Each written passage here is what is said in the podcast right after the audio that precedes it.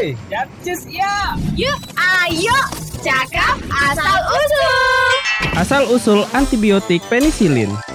Antibiotik penisilin ditemukan oleh Alexander Fleming pada tahun 1928 setelah dia selesai mengabdi sebagai dokter di medan perang dunia pertama. Oh, anakku Alexander Fleming. Akhirnya kau pulang juga dari medan perang.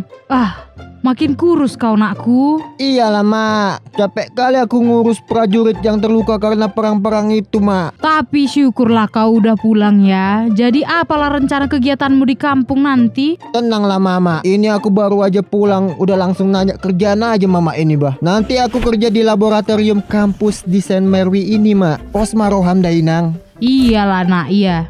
Biar nggak marisuang si kolamu itu amang. Alexander Fleming kembali mengabdi di alma maternya di Saint Mary pada tahun 1918.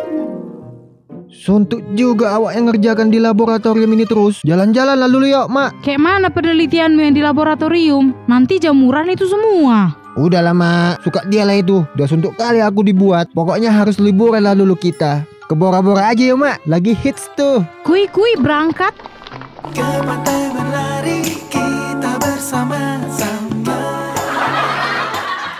Setelah liburan selama satu bulan penuh, Alexander Fleming pun kembali bekerja di laboratoriumnya. Wah, apa ini laboratoriumku? Jamuran semua, Bah. Tapi lucu kali nak, itu kok nggak ada tumbuh jamur di situ. Kemarin itu ada kubikin campuran kimianya di sini, Mak. Apa campuran kimianya? Itu pasti anti jamur. Bisa itu ngobatin semua yang berjamur. Ih, iya kan, Mak? Bentar-bentar dulu, Mak ya. Kuteliti dulu ini. Coba dulu, siapa tahu bisa ngobatin hatimu sama tanganmu yang udah berjamur itu lama kau jomblo kan nak? Bentar-bentar, Mak ya. Bentar, Mak.